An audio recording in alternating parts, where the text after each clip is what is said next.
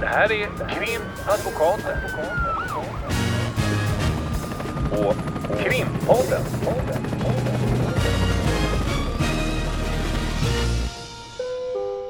Parter och ombud kallas till sal 32. Idag Mm. gjorde jag så att jag faktiskt för en gångs skull började min arbetsdag på kontoret och hade några timmar på mig att skriva ett överklagande. Och sen hade jag eh, att jag skulle skriva ett yttrande angående motpartens överklagande. I det ena fallet var jag försvarare, i det andra fallet var jag målsägande beträde.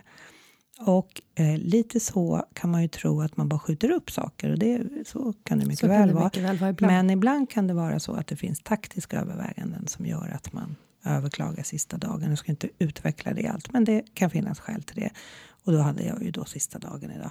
Och så kom jag in till kontoret och sen skulle jag iväg på en huvudförhandling, fortsatt huvudförhandling i ett mål. Och då kom det in ett nytt ärende, en klient som var anhållen. Och då skulle jag försöka få ihop med hjälp av min eminenta assistent att jag skulle kanske hinna det där förut under förmiddagen innan jag skulle ha den här fortsatta huvudförhandlingen under eftermiddagen. Och det lyckades inte jag med utan då började jag min huvudförhandling och då var jag målsägandebiträde och så hade jag en polis som satt och väntade. Förhandlingen skulle sluta redan klockan halv fem. Och eh, jag skulle vara uppe på Kronobergshäktet som ligger nära Stockholms tingsrätt. Jag hade min förhandling toppenbra. Och så fick jag i pauserna hela tiden meddela kontoret, ring till polisen och säga att jag vill se en, en tim- om en halvtimme, om en timme, om en halvtimme, om en timme. Det slutade aldrig på grund av att vi hade tolk och det har varit lite svårt med brittiska tolkar den här veckan. Jag har haft problem med det därför att de verkar ha haft någon sorts konferens. Att jag har haft tolkar på på länk från Göteborg i ett mål och nu var det någon som var på högtalare. Och när de är på högtalare eller på länk då är det inte simultantolkning. Så att då är det ju så att har domstolen satt ut sista förhandlingsdagen tre och en halv timme då får man nästan tänka sju timmar. Och det var ungefär det det blev. Så att jag var tvungen att göra det som är det apjobbigaste i det här målet. Det är att springa ifrån en slutplädering. Jag pläderade klart, åklagaren pläderade klart och sen var det försvararen. Och då var jag tvungen att lämna min klient. Nu var hon insatt i det och det var helt okej för henne. Hon hade annat stöd. Men det känns inte helt hundra att springa iväg. Och då är det ju jättemycket snö, så det är inte så himla lätt att springa. Och då är ju klockan, vad var den, kvart i sex tror jag. Och då eh, halkar jag upp till Kronobergshäktet. Och eh, när jag, då är det liksom kväll för dem, så när jag kommer in så tar det en eh, jättelång tid att komma in på häktet. Det gör ju det. Och sen när jag kommer upp, polisen har haft ett enormt tålamod. Han berättade att han skulle iväg på någon annan grej vid sju och han sa men det är inget problem, jag kan sticka vid kvart i sju. Otroligt stort tålamod med tanke på eh, vilken tid jag har bett honom att vänta. Mm, vad skönt, det är inte Jätte- alltid vi möts Nej, med det tålamod var och förståelse. verkligen eh, en eh, ros till honom för det. Mm. Och när vi kommer upp, då ska vi sätta oss i förhörsrummet. Det här är en klient som jag haft många, många gånger, så jag känner honom väl. Då kommer vakterna på häktet in och så säger nej, eh, den här personen, han vill inte komma på förhör. Nähä. Eh, då, eh, du kanske kan gå in och snacka med honom och övertala honom. Och det är inte min roll att övertala någon, utan det är snarare att jag går igenom vad det är som ska hända under förhöret med polisen. Han redogör för mig vilka misstankar som min klient är delgiven. Och sen så tänker jag, men då, då kan jag göra någon sorts kalkyl. Kommer den här klienten att släppas bara genom att förhöret hålls, då är det bra att förhöret hålls. Eh, släpps han inte, då kan man ju i så fall vänta till han känner sig piggare. Och mår han jättedåligt så ska man inte hålla ett för, även om man kanske måste vänta en stund. Men han ska ju veta om vad han riskerar och inte riskerar. Och i det här fallet så kunde jag räkna ut att det nog skulle bli så att han ändå skulle begäras häktad. Så då gick jag in, knackade på, eh, klev in där eh, i arresten som ligger på Kronobergshäktet, eh, in i hans cell som kriminalvården kallar för bostadsrum. Det är inte mycket av ett bostadsrum kan man Nej, det säga kan man kanske inte. med lite matprylar så här på golvet.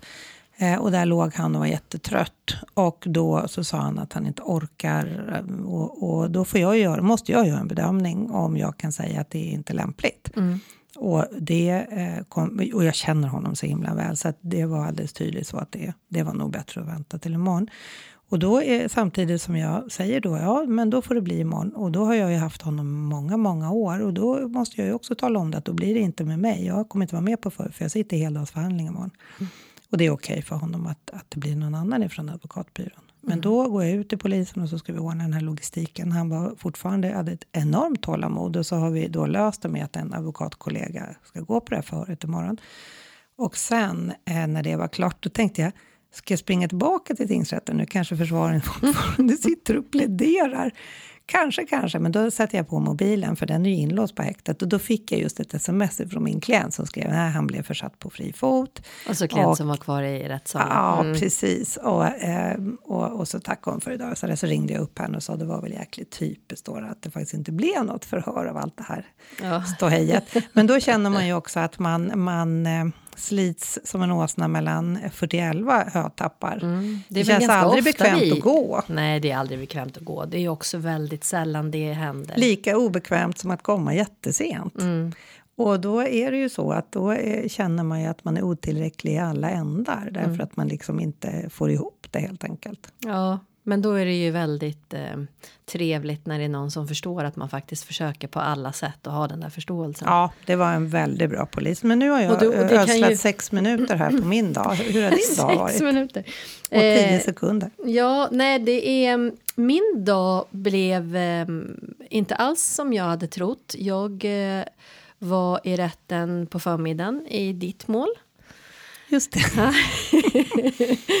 Och eh, hoppade in där, det var ja, på förmiddagen. Och eh, det, efter det så trodde jag att jag skulle ha möten på kontoret och just det här kontorsfixet som är ganska skönt att bara hinna med ibland. Men sen... Ja, och då måste jag ju bara inflika att du och jag talades ju vid där någon gång under förmiddagen och kom på att vi, eller kom på, vi hade lite idéer om vad vi skulle podda om, mm. att vi skulle göra det och vi trodde att vi skulle kunna göra det vid, vid fem kanske. Ja, vi sa det. Och det, och det är ju definitivt mötet, inte klockan nu. sluta halv fem. Liksom. Mm. Och nu Men, är det mycket eh, senare. Ja, sen så eh, droppade det in eh, eh, tre nya mål för mig då. Och då så skulle det administreras. Det var två anhållna och ett som inte var anhållet men där man ville hålla ett brådskande förhör. Och där hade det då blivit någon miss om vilken tid det var. Så att när jag fick reda på att jag skulle på det förhöret då var jag väldigt långt ifrån eh, var det skulle ske någonstans. Och då var det bara tio minuter kvar tills det var planerat. Och den nya klienten var på plats och sådär. Så det, det var ju också lite stressigt. Då satt jag och skulle in eh, till eh, i arresten då i, i ett annat förhör. Där, är, där jag också var, eftersom förhandlingen drog ut lite på tiden så, så kom jag så att jag kunde inte heller ringa poliserna där och säga att jag kanske blir lite eh, sen även i, till arresten. Så att det är verkligen att, att man, är, man dras åt olika håll. Men då ringde jag polisen och sa att nu fick jag precis kännedom om det här, jag ska in på, på ett förhör och så vidare. Och då var de också väldigt, väldigt förstående och väldigt tacksamma när jag sa att då kanske vi gör så att jag, jag tar en kollega som För det hade strulet förstod jag det när du berättade, det låg inte här hos Nej, oss. Nej, det låg inte hos oss, det låg ja, ja, någon annanstans helt enkelt. I, i, i, från, jag tror att det var misskommunikation mellan mm. åklagare och tingsrätt och så vidare. Men, ehm, och då så fick en kollega gå i det förhöret. Jag, jag gick in i arresten, hade ett förhör där som drog ut lite på tiden. Eh, och sen så skulle jag iväg till andra sidan stan till det andra förhöret också i arresten. Eh, och då var det ju snö och trafik och ja, så vidare. Ja, det har varit värsta vädret och ja, du har kört bil. Ja, hela dagen idag. Men, eh, ja, men så det, det är ju roligt också. Jag tycker att det är jättekul det här att man aldrig, som vi har sagt också, det här att man, man vet aldrig riktigt vad som händer. Och sen när man plötsligt ringer och säger så här, jag blir lite sen. Och då får jag höra här av vår verkligen eminenta eh, sekreterare som vi har gemensamt. Hon har ju full koll på oss. Ja, nej, men Ulrika är sen där och sen ska hon dit. Och... Ja, det är det som är skönt. För när jag ringer in till henne så säger hon så här, hur, hur, hur är det med Lotta? Är hon redan på gång eller? Mm. Nej, nej, hon är tvungen att gå på två ytterligare förhör här som är bokade. Ja, vilken tur! Så att den här härliga kontorskänslan som jag såg fram emot skulle vara ja, strax efter lunch, den är nu. Det är fantastiskt. Mm. Så nu sitter vi här och ska podda. Det, Och det det har vi ju pratat om tidigare också, att det är ju det som är, är lite ibland kan vara, upplevas som en baksida, men som faktiskt för det mesta är, är väldigt roligt att man inte, när man går upp på morgonen, om man har en huvudförhandling bokad hela dagen, då vet man ju vad man ska göra. Men man vet kanske inte vad man ska göra på lunchen och man vet inte vad man ska göra efter. Om man ens att- får en lunch idag. Jag har, Nej, jag har käkat såna här salmiakmandlar som jag hade, en såna här kalla torra i, i bilen. Jag hann inte riktigt med Nej, och då lunchen. kan det ju vara så att det blir bokat en häktningsförhandling under Exakt. den lunchen. Eller att det är bokat en telefonkonferens eller att det är bokat ett förhör. I häktat mål är det alltid långa luncher. Då går det att klämma in grejer däremellan. Men det är ju alltid spännande just att man faktiskt inte, inte vet vad som kommer att hända. Det kanske Nej. inte alltid är helt kompatibelt med vänner och familj. Men de har ju vant sig vid att Ja. det är ingen idé att lita på vad vi säger. För det, för det mesta blir det något annat. Men sen är det roligt för jag tycker att ehm, jag som följer en del kollegor på, på sociala medier och så, det, den här bilden av advokatyrket, alltså advokatvardagen är ju någonting som väldigt många vill visa i sociala medier. Det här, att ja, men nu är jag här och nu är eftermiddagen där och nu är det det här mötet och så vidare. Att det är det här hoppiga.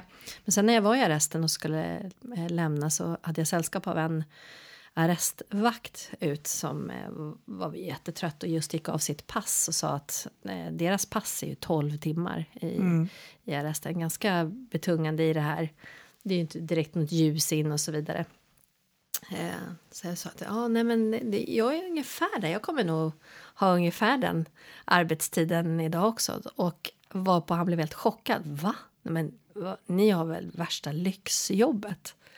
Då tänkte jag så här, ja, inte tidsmässigt kanske. Alltså, vi jobbar ju minst lika mycket. Eh, ganska många dagar så blir det ju så. Just för att det är restid och det också, det tar tid och det måste få ta tid. Men det är ändå konstigt, för att jag tycker att efter. inte det är så sällan man är i, eh, på förhör. Alltså om man, inte, om man har en klient som inte är frihetsberövad, då blir ju förhören oftast under kontorstid. Eh, eftersom polisen gärna bokar förhör under kontorstid. Mm. Eh, men alltså, det är ju inte så sällan man är i arresten på förhör på kvällar kvällen och och, även på och- helger. Så Jag vet. det tycker jag var det- lite konstigt. Ja. Men han kanske var lite trött. Ja, man kan ju tänka sig det. Ja, ja men så det har ju varit en eh, härlig dag idag. Mm. Superhärlig. Och nu fortsätter den att vara lika härlig när vi ska göra vår podd. Och vad vi, jag i alla fall, funderade över och pratade med dig om, det var ju att vi har ju vårt tema.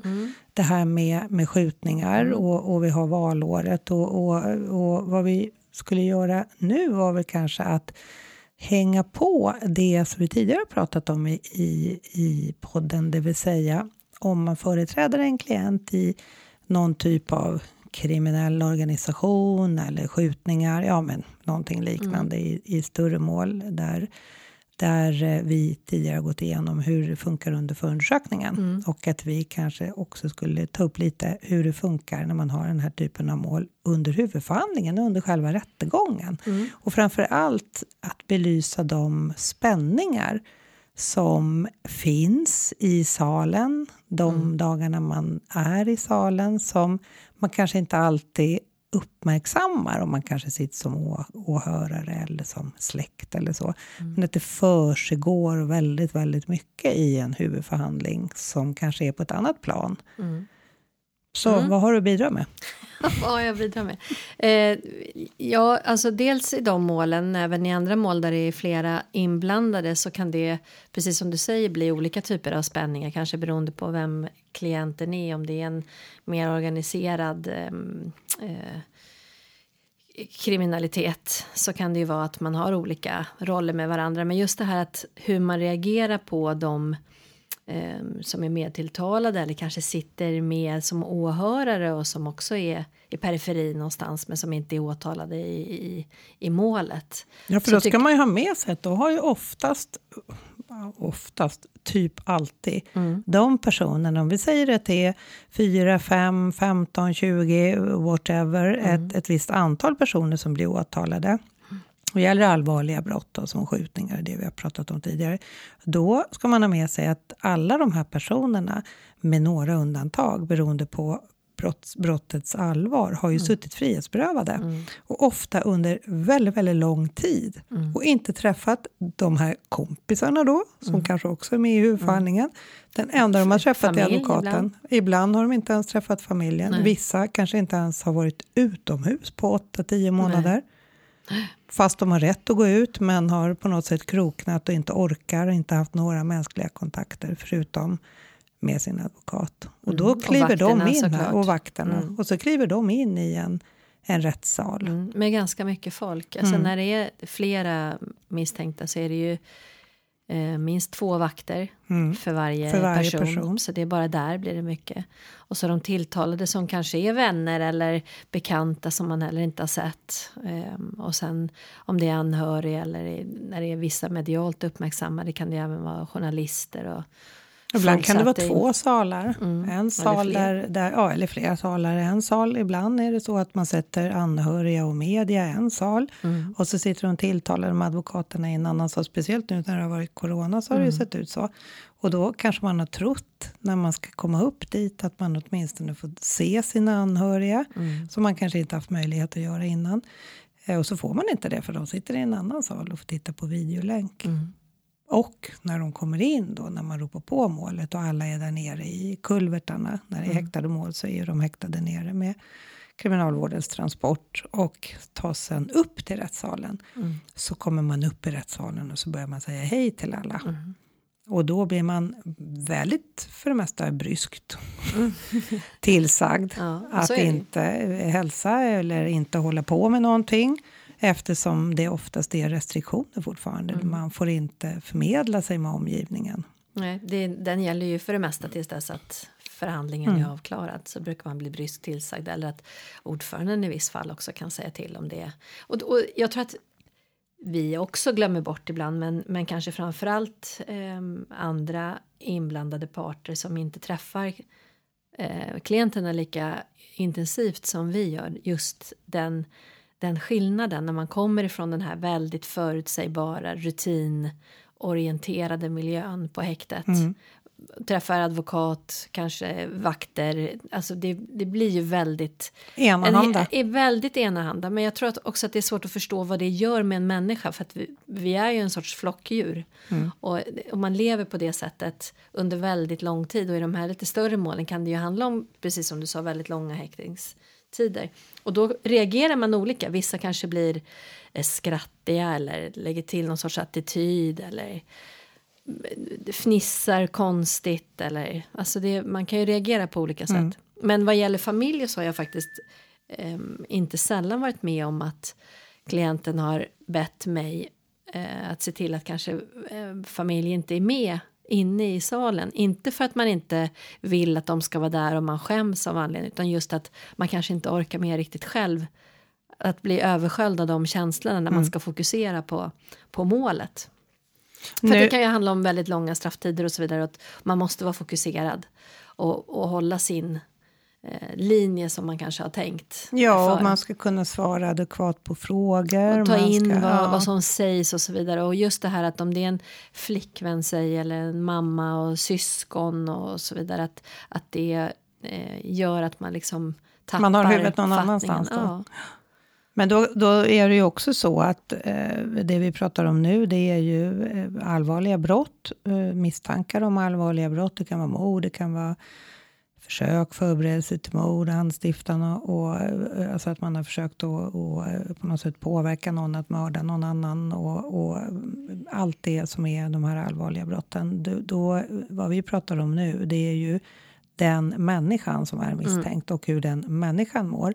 Vi kan ju säkert ödsla tid på hur det är att vara målsägande också. Att sitta som familj och det har vi faktiskt också. Det vi och det är ju inte att ödsla tid utan Nej. det är att berätta och det har vi ju gjort. När hela familjen till den som är avliden eh, är i rättssalen och vilka känslor det för med.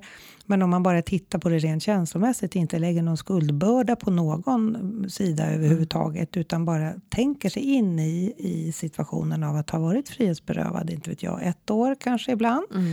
ibland lite kortare, ibland längre tid. Och just som du säger, har suttit i den här miljön där man tittar på tv ungefär hela ens vakna tid. Mm. Har möjlighet att gå ut på promenad på häktet en timme om dagen. Och många slutar göra det. Mm. Det finns vissa som går ner oerhört i vikt, eh, tappar håret, Mm. eh, kanske inte allt hår, men blir tunnhårigare. Eh, blir alldeles gula i hyn, eh, får dåliga tänder, eh, får problem med ögonen. Massa sånt där eh, som också leder till då att, att eh, alltså, de på något sätt har in, inkapslat sig själva i sig själva. Mm. Och sen pang slås dörrarna upp och man ska in i den här rättssalen som är också lite mera verklighet. Mm. Massa människor som du säger och, och det är fönster och det är dörrar och, och det händer en massa saker och folk har normala prat kläder. Och mm. det är klart att det, det påverkar och då är det intressant som du säger att det är, vissa klienter vill ju ha med anhöriga, vissa vill inte det. Och ibland så är det som du säger också att det kanske inte alltid är så lämpligt just därför att man behöver vara fokuserad. Och det är svårt att vara fokuserad om man är inte riktigt mäktar med på grund av de fysiska vad ska man säga, åkommorna man har ådragit sig och även de psykiska under tiden. Så att det är inte alltid man kan känna som försvarare att ens klient är, är liksom i, i, i bästa läget att presentera en bra berättelse som är den klientens berättelse. Nej. Nej men så är det och, och ibland så kan ju det påverka den berättelsen, de här, allt, den här uppfattningen och just den här skillnaden och, och eh, kanske det överväldigande med att hamna i den här situationen och vara anklagad för någonting som ändå är allvarligt och att det ibland kanske kan uppfattas från domstolen och så att det är, det är en viss Nonchalans. stil, nonchalans och så vidare. Och, och så kan kan vara det ju vara. nervositet. Så kan det ju vara. Ja, så kan Men det det, kan också vara nervositet och så vidare. Men ja, är man överens om det så kan det också vara att man, man kan inleda med att förklara vad känslorna faktiskt är. Mm. Och det är inte så, så sällan som man Nej. faktiskt gör det eh, när det är, är eh, klientens tur att höras. Då Mm. är det ju så att finns det målsägande då, vilket gör, det gör i de allra flesta av den här typen av, av brott, åtminstone efterlevande, så, eh, eller om det är försök och så, så finns det ju målsägande, då hörs ju de först. Mm. Så att det, det tar ju en stund innan klienten får möjlighet att via våra frågor då beskriva sin sinnesstämning om, om klienten nu är beredd att göra det eller är intresserad av att göra det. Eh, så det tar en stund innan man har möjlighet att säga att jag är lite nervös. Och, och då är det ju så här att då, som du säger, är man nervös kanske man fnittrar till. Och de Folk situationerna- reagerar olika Ja. med allt liksom. Och Och det är inte så kul när man har en klient som börjar typ fnittra när det sitter en målsägande som har blivit skjuten på olika ställen i kroppen men överlevt. Det är ju inte så här jätteperfekt läge då. Nej. Och då vet man ju inte. Det kan ju vara att man skäms eller att man tycker det är pinsamt eller att man eh, alltså, är helt oförberedd. Vi har ju försökt att förbereda klienterna på så här kommer det se ut, ungefär de här frågorna kommer du få och så här kommer det att vara när vi är i rättssalen. Men det går ju inte alltid att se in i hur det kommer bli. Nej. Och då kanske kommer såna här ofrivilliga känsloyttringar som egentligen betyder någonting annat. Nej. Och, och det, så är det ju, så ser vår ordning ut. Det är ju ingenting mer med det. Men, men just den här förståelsen, tror jag, för ibland kan det ju rapporteras också om att det har varit attityder på vissa sätt och, och så vidare. Och, och, så kan, och som sagt, så kan det ju vara. Det kan ju vara att man vill verka vara någon eller att det är viktigt att man utåt sett har en viss attityd och så vidare för att, av olika skäl. Men eh, Ja, inte finns en sällan det- hierarki i, Ja. i, i de här, eh, i, när vi pratar om den här, det, här, eh, det som kallas för gängkriminalitet, när vi sitter då i en, i en huvudförhandling med flera då som påstås tillhöra samma gäng, Mm. då finns det ju en, en, vad kan man säga, en naturlig hierarki i Mm. det hela. Det är lite som i rökrutan, liksom, vilka är med och inte med, vilka har högst rang. Mm. Och det märker man ju också när man har haft en god och lång kontakt med sin klient på häktet. Så när man kommer in där så kan ett tre klienten vara på ett helt annat sätt. Därför att då eh, spelar man upp andra man säga, förhållningssätt och, och, och sätt gentemot varandra. Mm. Som vi kanske inte alltid känner till förrän vi kommer dit. Nej, nej så är det verkligen. Men eh, ja, och annars, alltså själva förhandlingarna, om vi ska prata huvudförhandlingen och så, eh, vad som kan skilja, det, säg något mer, alltså det är ju, det är ju utifrån... Say no more. Say no more. Nej, men vad, vad mer är egentligen speciellt?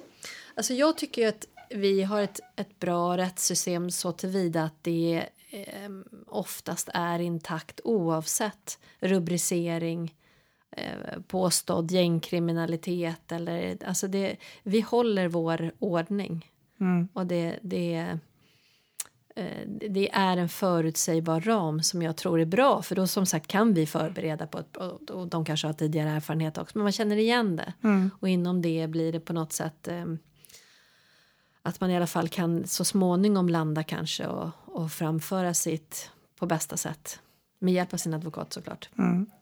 Men eh, Nej, men jag, jag tror att när man tänker att alltså, de målen som är medialt övervakade det är ju framförallt just nu den här typen av mål vi pratar om. Men det är inte så jättemycket media på en, en erkänd rattfylla. nej, Om det inte är någon politiker då. då. Men eh, grejen är ju den att hela alltså, rättssystemet, rättegångsbalkens regler bygger ju på att domstolen ska få utifrån alla som hörs, både målsägande, vittnen och även tilltalade, ska få den bästa versionen. Och då snackar vi liksom inte bästsäljande versionen, utan den bästa versionen. Det vill säga att man känner sig trygg i det man berättar. Man blir inte avbruten, man får fokusera, man får utveckla de delarna som man tycker är viktigt. Man har också rätt att hålla tyst i de delarna man inte vill diskutera. Eh, och då ska ju domstolen få till sig det som är den, den bästa bevisningen, nämligen, den bästa versionen av det, vad den här eh, personen vill berätta. Och då är det ju jätteviktigt för advokaten att förbereda klienten. Men som sagt, det är ju inte alltid att man kan förbereda en klient, även om man säger nu kommer ju dina medtilltalade som de blir när de är åtalade, kommer dina medtilltalade att finnas här och och då kan det ju hända, ja, så redogör man för eh, från ens erfarenhet vad som kan hända när det börjar liksom ske saker emellan folk där inne och anhöriga och flickvänner och vad det nu kan tänkas vara. Kanske pojkvänner, mm. eller hur? Men eh, man kan inte vara riktigt förberedd på det. nej. Och då blir det så nästa paus eh, och då pratar man lite mer och sen är ju oftast klienten låtsas inte om att den är nervös inför sitt eget förhör fast den är det. Och då kan det vara så lite, lite att när förhöret är hållet och man säger men det där gick faktiskt väldigt bra. Det, eh, Jag tycker att det gick bra. Och då blir de oftast väldigt lättade därför att vi just har pratat om det här med att din version som du ska berätta, det är din version, den äger du. Och försök att presentera den på bästa sätt. Och därför så försöker man ju också alltid se till att klienterna går ut på promenad, även om det är svinkallt och skitjobbigt. Se till att försöka låna böcker via bibblan, tidskrifter. Försöka att ha någon typ av mänsklig kontakt förutom bara advokaten. Det finns ju som vi har pratat om tidigare. Det finns eh, präster och imamer och ja, det finns alla olika Mm, så här religiösa. Röda Korset. Röda Korset, precis. Mm. Man kan till och med gå på yoga på vissa häkten. Eh, Har jag hört blandad. Jag har nog aldrig hört någon klient som har jublat över det. Men det är också ett sätt Ja, att... det har att ja, vad, vad bra. mm.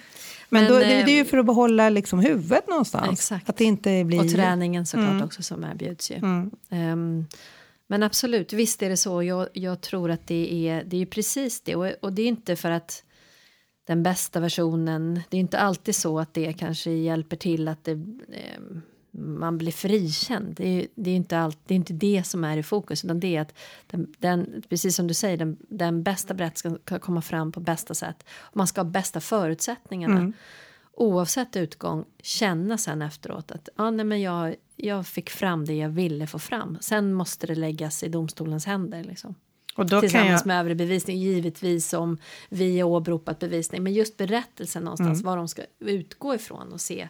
Ja, så att man känner att jag, har fått, jag får en dom sen, Ja. oavsett vad den blir, Mm. så har jag fått komma till tals. Och det låter ju lite så patetiskt Mm. att säga det, men det är ju faktiskt det det handlar om.